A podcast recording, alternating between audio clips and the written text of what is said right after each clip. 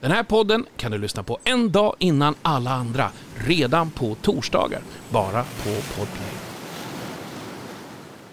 Välkommen till podden Strandsatt med Bagge och Watts. Anders Bagge är Idol-jurymedlemmen och hitmakaren som skrivit låtar till världsartister som Céline Dion och Jennifer Lopez. Han bor med sin fru Johanna på Färingsö utanför Stockholm. Robert Rob Watts är musiker, producent och en prisad DJ som utgör ena halvan av musikduon Robin Russ. Han bor med sin fru Jenny i Marbella. Och Bagge och Watts, de lärde känna varandra för snart 30 år sedan. I Strandsatt bjuder Bug och Watts in vänner och kända gäster och ställer den väsentliga frågan. Vilka sex låtar skulle du ta med dig till en öde ö om du bara fick spela de sex låtarna i resten av ditt liv? Och den som är strandsatt i dagens avsnitt är Ola Rapace. Det är Anders Bagge, Bagge, det är Anders Bagge, Bagge, det är Anders Bagge och Robert Bolt. Det är Anders Bagge, Bagge, ja det är Bagge, Bagge, det är Anders Bagge och Robert Bolt. Det är Anders Bagge, Bagge, det är Anders Bagge, Bagge, det är Anders Bagge och Robert Bolt. Strandsatt med Bagge och Volts. Han är Sveriges främsta skådespelare som vi har sett i allt ifrån Wallander till Tusenbröder och som Bondskurk i Hollywoodfilmen Skyfall. Varmt välkommen säger vi till Ola Rapace! Tack, tack, tack. Wow, vilken värme. Jag sa det där ute också. Robban har varit lite rädd för dig innan du kom. Nej men inte rädd. Jo, men du sa är så- Ja men jag tycker så här, och du är lite starstruck. Ja, jag är starstruck. Ja, och jag är starstruck också. Och, jag lite med. rädd. Ja, men då är det, Ja, men, det är ju är skitbra. vi alla? Ja, men det, det, Ja, men det, vi- det, det, är så jäkla, det är så jäkla härligt att se dig, för jag har följt dig den första Tusenbröderna ni släppte den. Mm. Den filmen, alltså den, det var en sån klassiker för jag köpte den på DVD och jag älskade verkligen Tusenbröder. Jag älskar Mm. andra, andra serien också. Tycker bara det såg så jävla kallt ut när du badade i havet. Var det kallt? Ja, det var så jävla kallt. Det är en, en lång historia om det där faktiskt. Vi skulle göra då Tusenbröder 3 i Estland. Och, eh, och då hade jag räknat ut att killen måste ha varit på havet i minst en vecka där. Utan att sova och sådär. Så jag dum som jag var, jag höll mig vaken i en vecka innan vi skulle ta den där första scenen när jag låg i, i plurret där. jo, och då så var idén var att kameran skulle komma glidande liksom över stranden där och ut över vattnet och fastna på mig när jag liksom vaknade till och kom upp ur vattnet. Men eh, åkningen kanske var tio sekunder eller någonting. Och så var det tystnadtagning, kamera, ja, Ola ner under vattnet. Och jag sjönk ner där. Sen när kameran kom fram, då låg jag bara kvar där under vattnet. Jo, då hade jag somnat under vattnet. Du höll på att ta livet Ja, så de fick slita upp mig där. Och det var värsta eh, pådraget. Ja, men det är så här method acting idioti liksom. På den Men- tiden trodde jag att man skulle göra allt på riktigt. Ja. Ola, får jag fråga, är det så att man går in så extremt för eh, alla roller att man liksom, men man, har- en del bantar 30 kilo. mm. Ja, jag har ju hållit på sådär väldigt mycket och ofta så kostar det mer än det smakar. Ja, Så är det ju faktiskt. Så att nu för tiden så tar jag det lugnare med det. ja, men det är bra. För jag såg någon bild någon gång när du var så jävla tränad. Du såg ut som en bodybuilder. Mm, jag körde jättehårt på det och så blev det inte fil- den filmen av ens. Nej, du, Okej. du fick, fick ligga mycket. Ja, ja, det kanske jag, fi- ja, jag hade nog fan inte tid med det ens. Men sen, och det sjukaste sen var att, aha, den där filmen blir inte av, men du får göra en roll på Dramaten istället. Den ska heta Chuck och du ska vara tjackpundare på plattan. Och det är bra om du inte väger mer än sådär 60 kilo. jobb- Jesus. Christ. Så då var det bara kaffe och cigaretter i två månader så hade man tappat 30 kilo. Nej, men.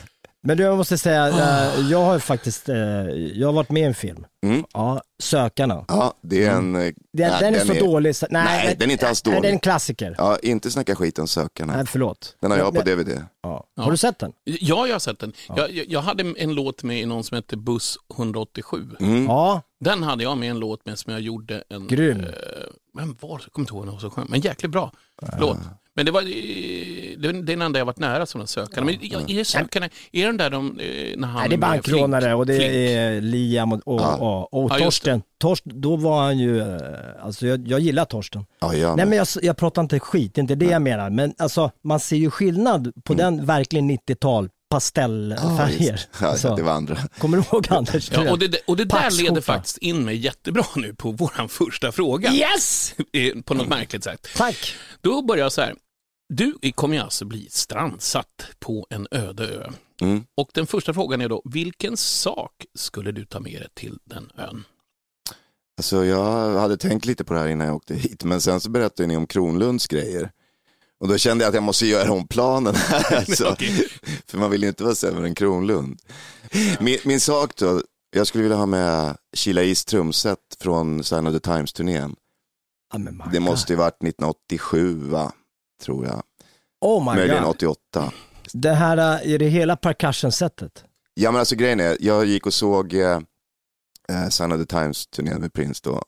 Då hade han en rund scen i mitten där av Globen. På Glo- jag var Och där. då satt ju Sheila i mitten med sin jävla China-symbol bakom. Ja, Och, jag, och jag, jag var ett trummis själv då, men det, alltså, det där var det sexigaste jag hade sett i hela mitt liv. Jag har aldrig liksom blivit av med den där bilden. det är fortfarande det absolut sexigaste jag har sett i hela mitt liv. Jag måste säga så här. bland det bästa hittills, ett percussion-set. Mm. tänk dig bara sitta Grymt! Mm. trumset med bara percussion och stå och. Men du, okej, du har ditt percussion-set. Mm. Eh, Men du måste ha någonting att läsa.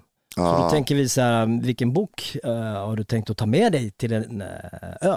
ja, nu Till kommer... den här ön? Ja, jätte... Hur man spelar trummor.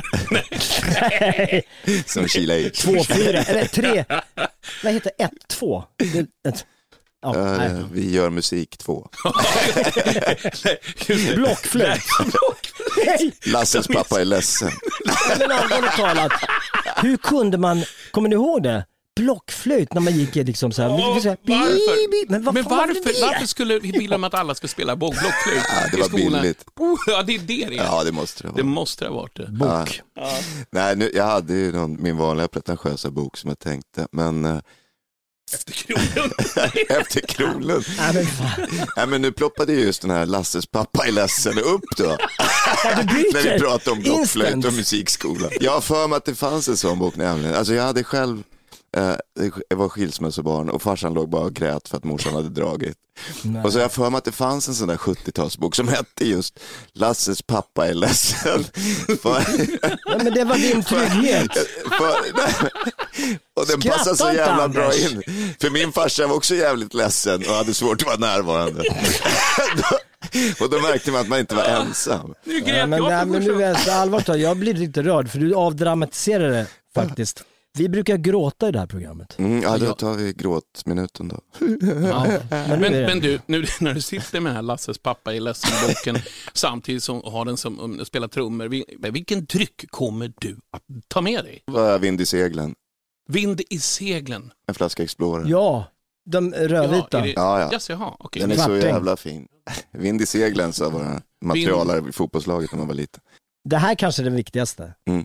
Eh, därför vi kommer då tillbaka till eh, den första. Du har ett Mm. percussion-set. Exakt. Eh, vilken person eh, tar du med dig till den här öde ön? Ja, men det är det, det är det här som är lyxen. Då tar jag med mig Sheila Cecilia Escovedo. Alltså. Ja, det är så. Ja, Sheila i. Ja, men hon är Och ju, där ska hon sitta och slå sin China-symbol. för hon är nog inte, hon är väl kanske 60 nu då? Ja, ja, men alltså. Skit i där, det. Du glömmer aldrig din första kärlek. Nej. Nej, det gör man inte. Jag måste bara få fråga. Mm.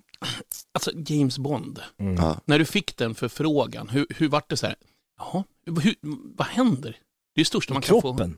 Ja, nej, det var ju lite utdragen process för att eh, produktionen visste inte om de kunde ha en skådespelare i den rollen. Produktionen ville ha en stuntkille i rollen för att det var så krävande liksom, med motorcyklar och slagsmål och sånt där. Så jag fick åka över till London i två veckor och så testade stuntteamet mig på motorcykel och med vapen och med fighting och sådär.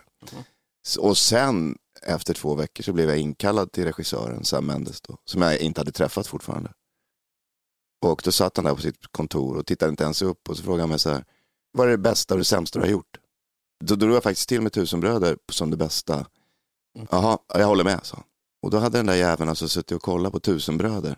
Wow. Och då, då växte ju han i mina ögon. Så, är det något du vill fråga mig? Eh, jag visste inte vad jag skulle säga. Så jag sa bara, okej, vad är det bästa och sämsta du har gjort? Så sa han, Road to Perdition och Revolutionary Road. Bara så du vet så har du rollen om du vill. Du kan gå. Fan vad cool. Nej, den är så jävla cool. oj, det tar Shit, cool. här. Det, åh, det här kan gå ut i timmar. Hur som, Tungt, tungt. tungt, tungt, tungt. Tungt. Vi har kommit till låt nummer ett. Och eh, vilken låt har du valt som eh, att ta med dig och varför? Och berätta lite. Alltså jag var, som jag sa, Lasses pappa var ledsen och man, eh, det var inte så jävla roligt jämt när jag växte upp. Men så blev morsan tillsammans med någon musiker från Farsta som var skitschysst. Liksom. Och jag bodde med min farsa i en lägenhet men han byggde liksom ut morsans förråd och gjorde kombinerad replokal och jag kunde bo där. Mhm. Och då var jag inte gammal alls, men han hade en skiva som hette The Jimi Hendrix Experience Smash Hits. Och på den där låten så fanns det en låt som hette Foxy Lady. Och det är fortfarande det coolaste gitarriffet jag har hört någonsin. Och då lärde han mig spela det där. Det var ju inte så jävla svårt eh, när man väl fick någon som visa. Men sen dess har den låten liksom fastnat på mig. För det var första sådär kicken jag fick av att spela musik själv. Liksom. Och att man får den här lärdomen också. Ja, och det var ju tack vare den här Björne då som eh, morsan blev tillsammans med och som var så jävla schysst. Så här kommer Foxy Lady med Jimi Hendrix.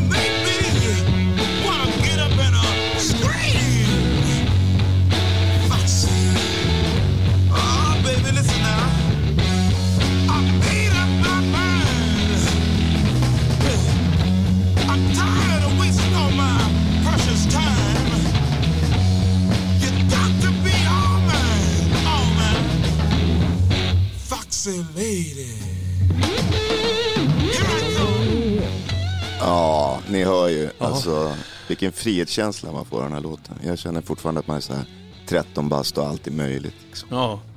Ja, jag, får, jag får sån jäkla feeling. Jag måste bara lyssna på Jimi Hendrix. Ja, jag med. Jag vill ju köpa en skivspelare, alltså en riktig vinylspelare Ja. och gå och bara handla vinyl igen.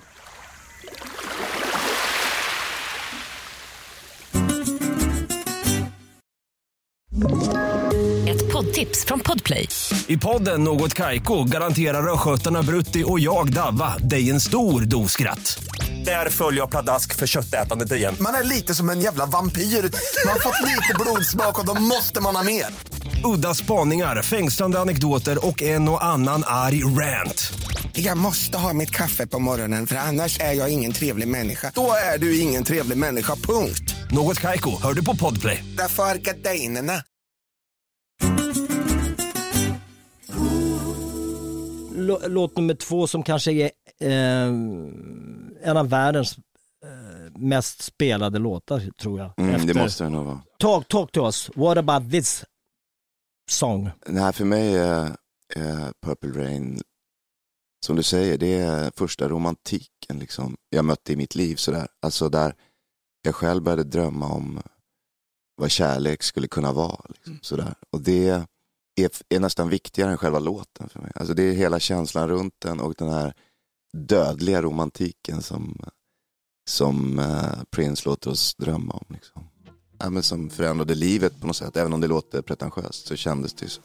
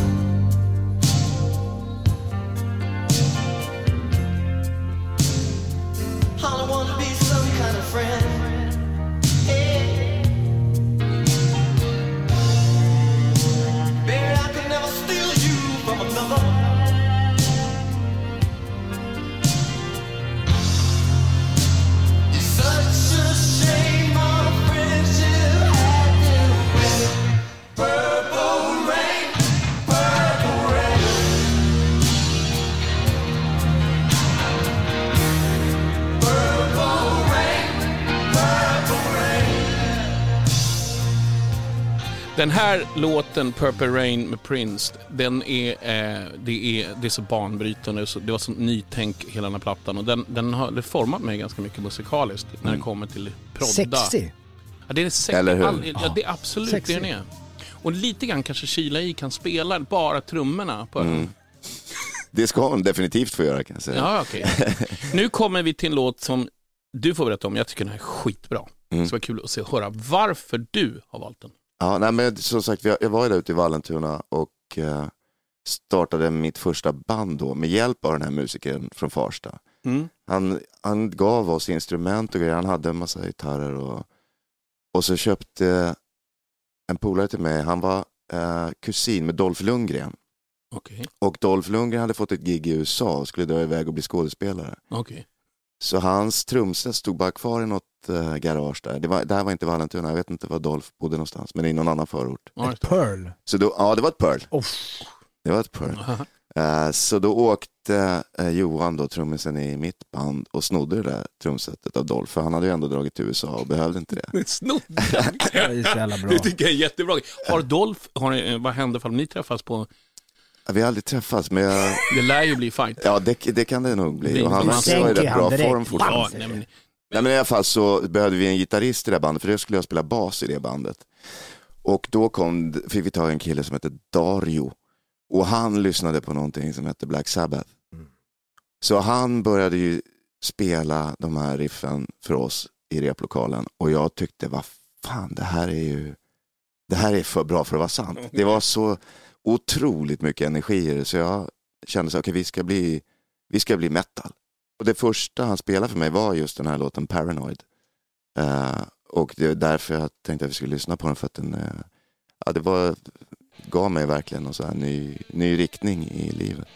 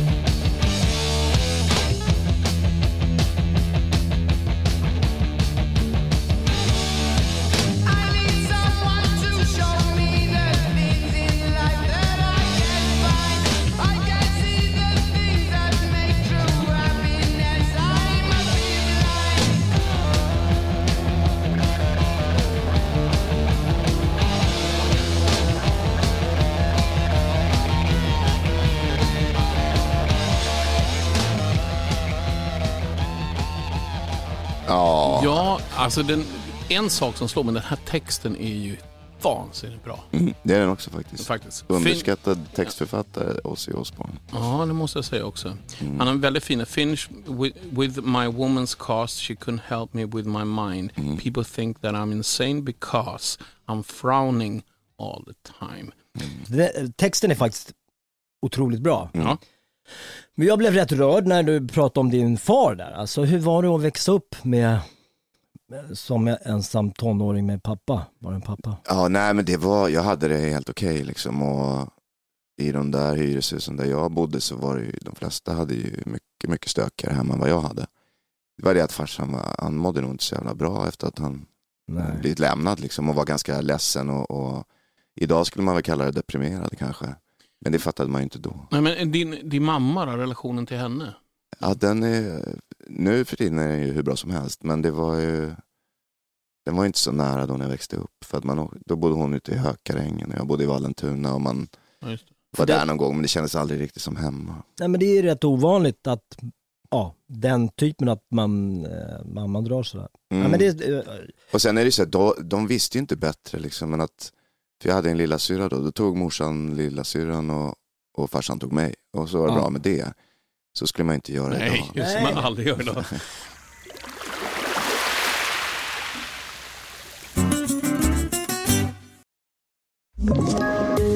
Poddtips från Podplay. I podden Något Kaiko garanterar östgötarna Brutti och jag, Davva, dig en stor dos skratt. Där följer jag pladask för köttätandet igen. Man är lite som en jävla vampyr. Man har fått lite blodsmak och då måste man ha mer.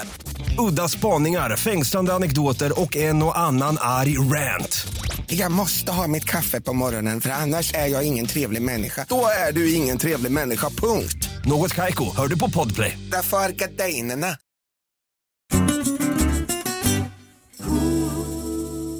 Låt nummer fyra, vilken låt har du valt?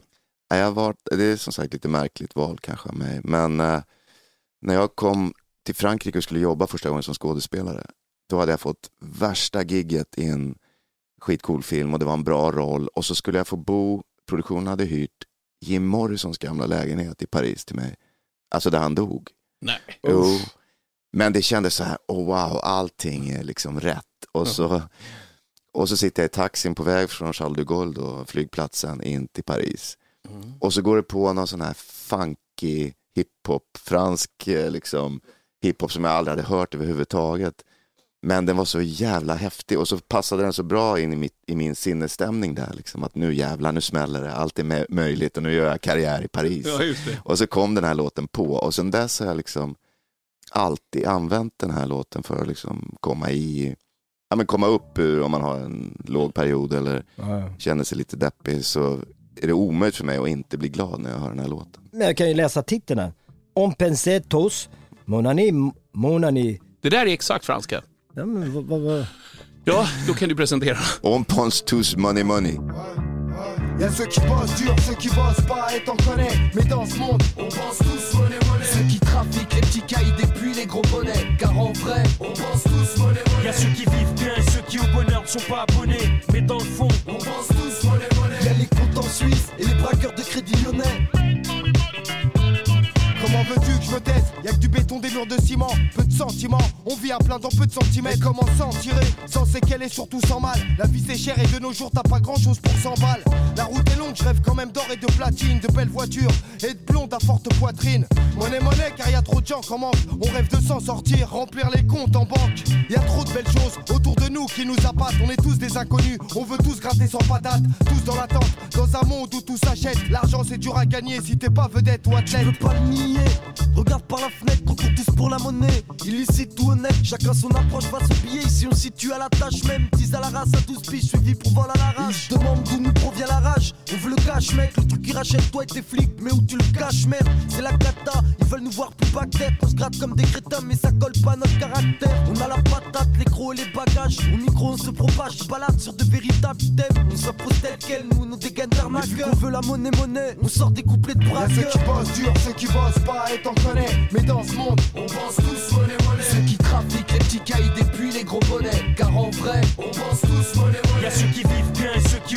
sont pas abonnés. Mais dans le fond, On pense tous monnaie monnaie Y'a les comptes braqueur de crédit lyonnais. L'argent appelle l'argent, les gens sont odieux quand t'es fauché, la dégaine peut soigner le regard lointain. Eh, jag tror att den handlar om cash.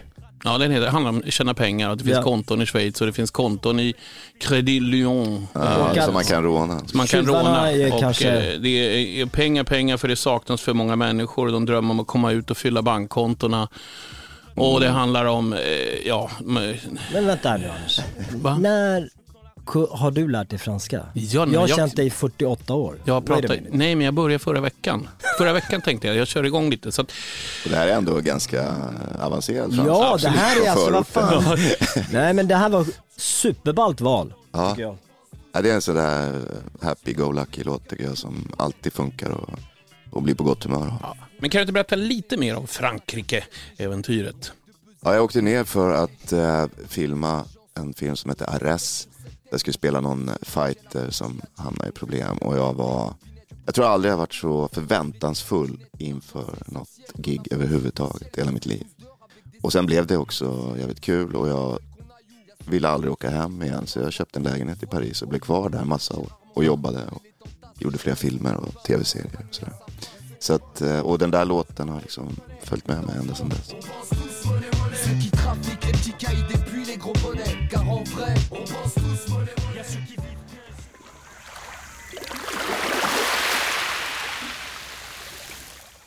Låt nummer fem. Mm. Blir jag jätteglad för att du har valt. Det är en av mina favoritgrupper och speciellt eh, sångaren. Mm. Berätta lite om va- varför, vad är känslan här? Nej, för mig, Thin Lizzy har alltid hängt med liksom. Och jag tycker att Phil Lynotts öde är också gripande liksom. Eh, men, eh, och jag brukar tänka så här, just om man bara fick välja en artist liksom, att lyssna på resten av livet, då hade jag tagit Thin Lizzy. Eh, och just den här låten, Gotta Give It Up, är ju ganska mörk va? Och den handlar ju om problem som, ja, åtminstone du och jag, Robban, kan nog relatera till dem på olika sätt. Eh, så att jag tycker också att den här, jag vet inte, när jag, när jag lyssnar på den här låten så känner jag mig inte ensam. Liksom, och det, det är viktigt. Nej, men det handlar ju om att, liksom, att i, ibland så kommer man till lägen i livet där man måste ge upp någonting som kanske är svårt eftersom Ja. det En beroende... Ja. Men det kan ju handla Alltså- om vilken förälskelse som helst. Alltså det, Ibland så måste man gå därifrån och det kan vara jävligt svårt. I've got to give it up. I've got to give it up. That's true. I've got to give it up. I've got to give it up. That's.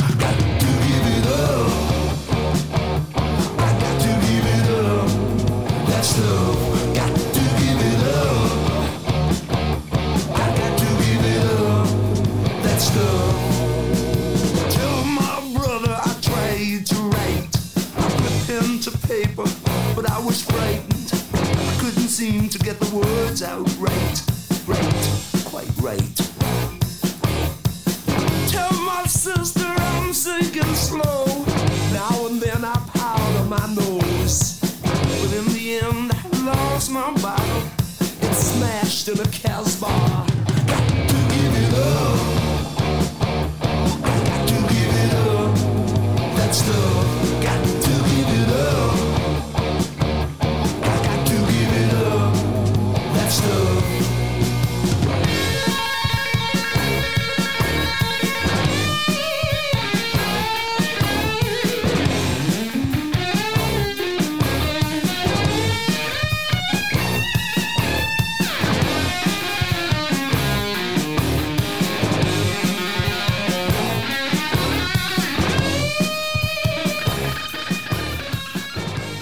Bra. Det är så skönt. Och Jag tror faktiskt att den här sommaren ska jag, gå, ska jag bara leta i backar. Vet du vad? Det finns mer och mer. De kommer Ja, ploppar upp mer och Det mer i vinylen. Jag tror att det kommer så komma tillbaka. Jag tror, jag tror vinylen kommer komma till att man vill köpa något fint med de stora omslagen. Det är det som kommer hända. 100 procent. CD-skivan kommer aldrig komma tillbaka. Men det är Nej. klart det är svårt att dra in en vinyl i bilen. Nej, men... Men det är lite grejen också, då får man sätta sig där på kammaren. Och, Ja, om man och, lyssnar ena sidan. Så. Men eh, nu har vi kommit till låt nummer sex. Ja, det håller på att ta slut där. Det är inget kul alls. Men du har väl sparat, den här låten är väl intressant. Jag undrar, jag undrar varför du just tar med den här. Nej, det här, den här låten, Thank God for sending demons, som en vän till mig, Andreas Klerup, har skrivit, då, har faktiskt varit en sån där hjälp för mig i de tyngsta perioderna i mitt liv egentligen. Den kom ju först med Me in My Army där, eller jag hörde den först så. Eh, inte den här akustiska versionen som vi ska lyssna på nu, men den Me My Army-versionen var det där som jag alltid satt och lyssnade på i bilen när jag var nyskild och, och det var struligt med vem som skulle ha ungarna och det var väldigt mycket problem och väldigt lite eh, lycka. Och då kände jag att den här låten faktiskt eh, ja, men betydde väldigt mycket för mig under den perioden och jag kände att jag fick just den där styrkan av att inte vara ensam och att det är fler som brottas med, med demoner. Thank God for sending demons. Yet those boys get me through. My Lord, you give me reasons. These treasures came from you. I'm walk on rescued features. I won't get over you. Maybe I was the seashore. Too bad you made it through. Too bad you made it through. So all those busted highways seem to follow you. Just look at what the sky says. I don't belong to you. I don't belong to you.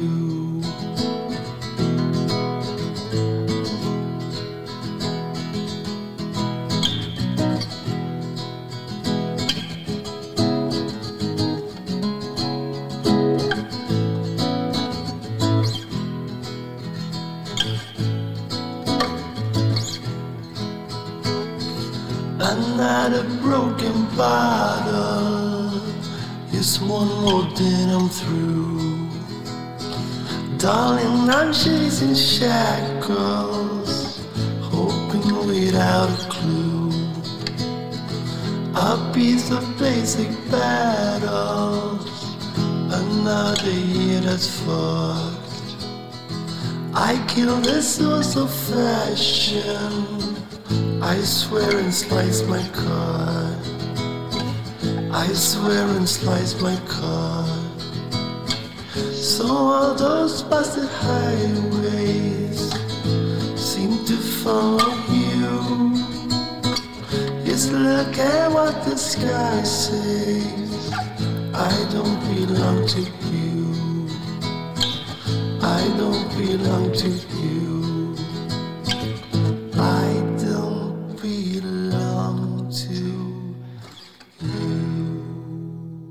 Jag träffade Andreas eh, för bara ett par veckor sedan ute i skärgården. Eh, det är en gammal vän, men eh, vi har ju båda varit lite upp och ner i, i dagsform sådär.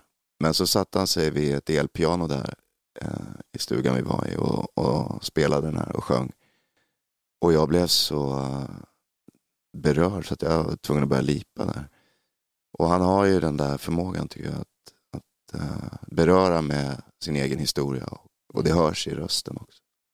Otroligt fint. Alltså, jag har inte hört den här låten innan. Ehm, Nej, jag har och, ehm, för vet du vad jag gillar med det? Är den här inspelningen har gjort att gitarrerna är väldigt grumliga. Det låter som det är inspelat på 70-talet. Och så texten jättebra. Så det här det får du gärna hälsa honom om du ser eller man lyssnar. Att det men var- Klerup är ju- Ja, ja, jag, jag, jag, jag känner inte Nej, jag honom. känner inte heller. Nej. Men, men Men han, han gjorde jävligt bra grejer med Robin. Superhype Ja. ett tag. Sen han försvann han bara. Ja, det, det har väl varit lite upp och ner sådär som det har kunnat vara för mig också. Att periodvis så, så har man inte tyckt att det är värt att, att kliva upp ur sängen. Liksom. Men det, eh, han har ju alltid liksom, ställt sig upp och, och producerat jävligt häftiga grejer. Men Så är det ju liksom Det är nämligen så att, om jag ska vara helt ärlig, ibland måste man in i de här mörkaste rummen hämta mus- musika, musik, eh, musikaliska eh, idéer. Mm. Eh, när jag var yngre så gjorde jag själv det faktiskt. Jag, in, inte droger, jag har aldrig prövat det, men, men, eh, men absolut alkohol har man druckit alldeles för mycket. Och, och sen så har man dagen efter så kanske man säger, vad fan det här kan inte jag göra om, men det är inte superbra, men man får rädda upp det sen efteråt. Men man får in lite sådär, lite andra mystiska aspekter i musiken. Ehm, men jag rekommenderar inte det. rekommenderar inte Men alls. skådespeleri, Det måste vi där se. går det ju inte. Alltså det går Nej. inte att vara... Packad. Nej, det går Nej, inte. det, det är svårt alltså. Men, eh, men däremot så tror jag att man även där ska hämta impulser och, och idéer från även de rummen som är mörkast kanske. Om du ska spela precis en... Ja. Ja, ja. Så att det, det har mycket gemensamt också. Men jag har alltid funderat på den där saken att när man är skådespelare så blir man, lever man en roll, man ska gå in så stenhårt. Blir man, är det inte svårt att komma ur det sen? Ja, man påverkas ju alltid. Eh, och för mig var det så när jag var yngre att jag inte riktigt hade koll på hur jag påverkades och, och hur mycket. Mm. Och då är det ju lite, det, det kan vara jävligt eh, dumt och farligt. Så att nu för tiden har jag väl bättre koll på det. Jag vet att aha, det här kommer kanske påverka mig lite och så får man ta ansvar för det så att man inte går runt och låter världen betala det priset liksom för att jag har svårt att komma ur en roll eller i en roll eller känner mig du vet man kan ju få rampfeber och känna sig jävligt utsatt och sådär också och det ska ju inte de som man älskar betala priset för. Liksom. Det här är terapi för oss. Bara Så att, välkommen till eh, Strandstads terapi med musik. Ja, men musik är ju, som Ja, det- du var inne på Anders, alltså det är den bästa terapiformen som jag vet i alla fall. Det var det jag tänkte faktiskt säga, en sån här standardgrej. Vad, när man säger vad är musik för dig? Mm. Vad, det är känslor, men För mig är det ett rum där man kan vara fri. Och där det faktiskt också ofta finns kontroll på ett helt annat sätt än vad det gör i, i, som skådespelare. är man ju runtkastad som en vante i olika produktioner mer eller mindre. Medan om du går till din egen studio och sitter med dina egna polare och gör en grej så har du ett format, en form också som gör att du kan slappna av och vara trygg. En trygg trygghet, Ja. ja. det är ju den som är... Men, det är, Men vi måste vara... Stå upp! Mm. Ja, det måste vi. Ja, du har ju ett häftigt år eh, framöver. Vi har ju pratat lite här i kulisserna och vi vet att du fyller 50 år, men vad är mer på gång? Jag hoppas att eh, det drömprojektet som jag hade på gång i Frankrike innan eh, pandemin kom, att det ska ställas upp igen. Och att vi drar till Kambodja och filmar det. Äh, det, det. Det är det bästa manuset jag har läst och den coolaste rollen. Så att det är det jag går och drömmer om. Okej, spännande. Då kommer det hända. Mm. Bra. Ni har Tack. lyssnat på Strandsatt och det är Anders Bagge och Robert Watts. och vi har haft Ola Rapace som gäst. Tack så otroligt mycket för att du kom. Det är jag som tackar, det var givande. skitkul. Ja, Mm. Grymt.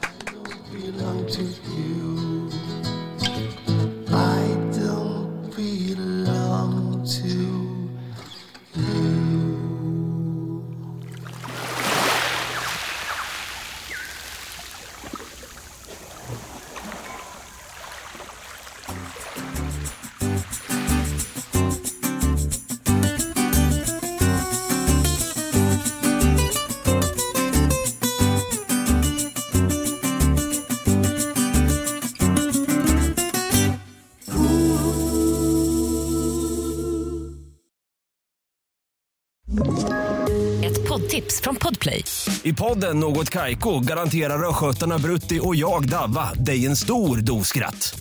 Där följer jag pladask för köttätandet igen. Man är lite som en jävla vampyr. Man har fått lite blodsmak och då måste man ha mer. Udda spaningar, fängslande anekdoter och en och annan arg rant. Jag måste ha mitt kaffe på morgonen för annars är jag ingen trevlig människa. Då är du ingen trevlig människa, punkt. Något Kaiko, hör du på Podplay. Därför arkadeinerna.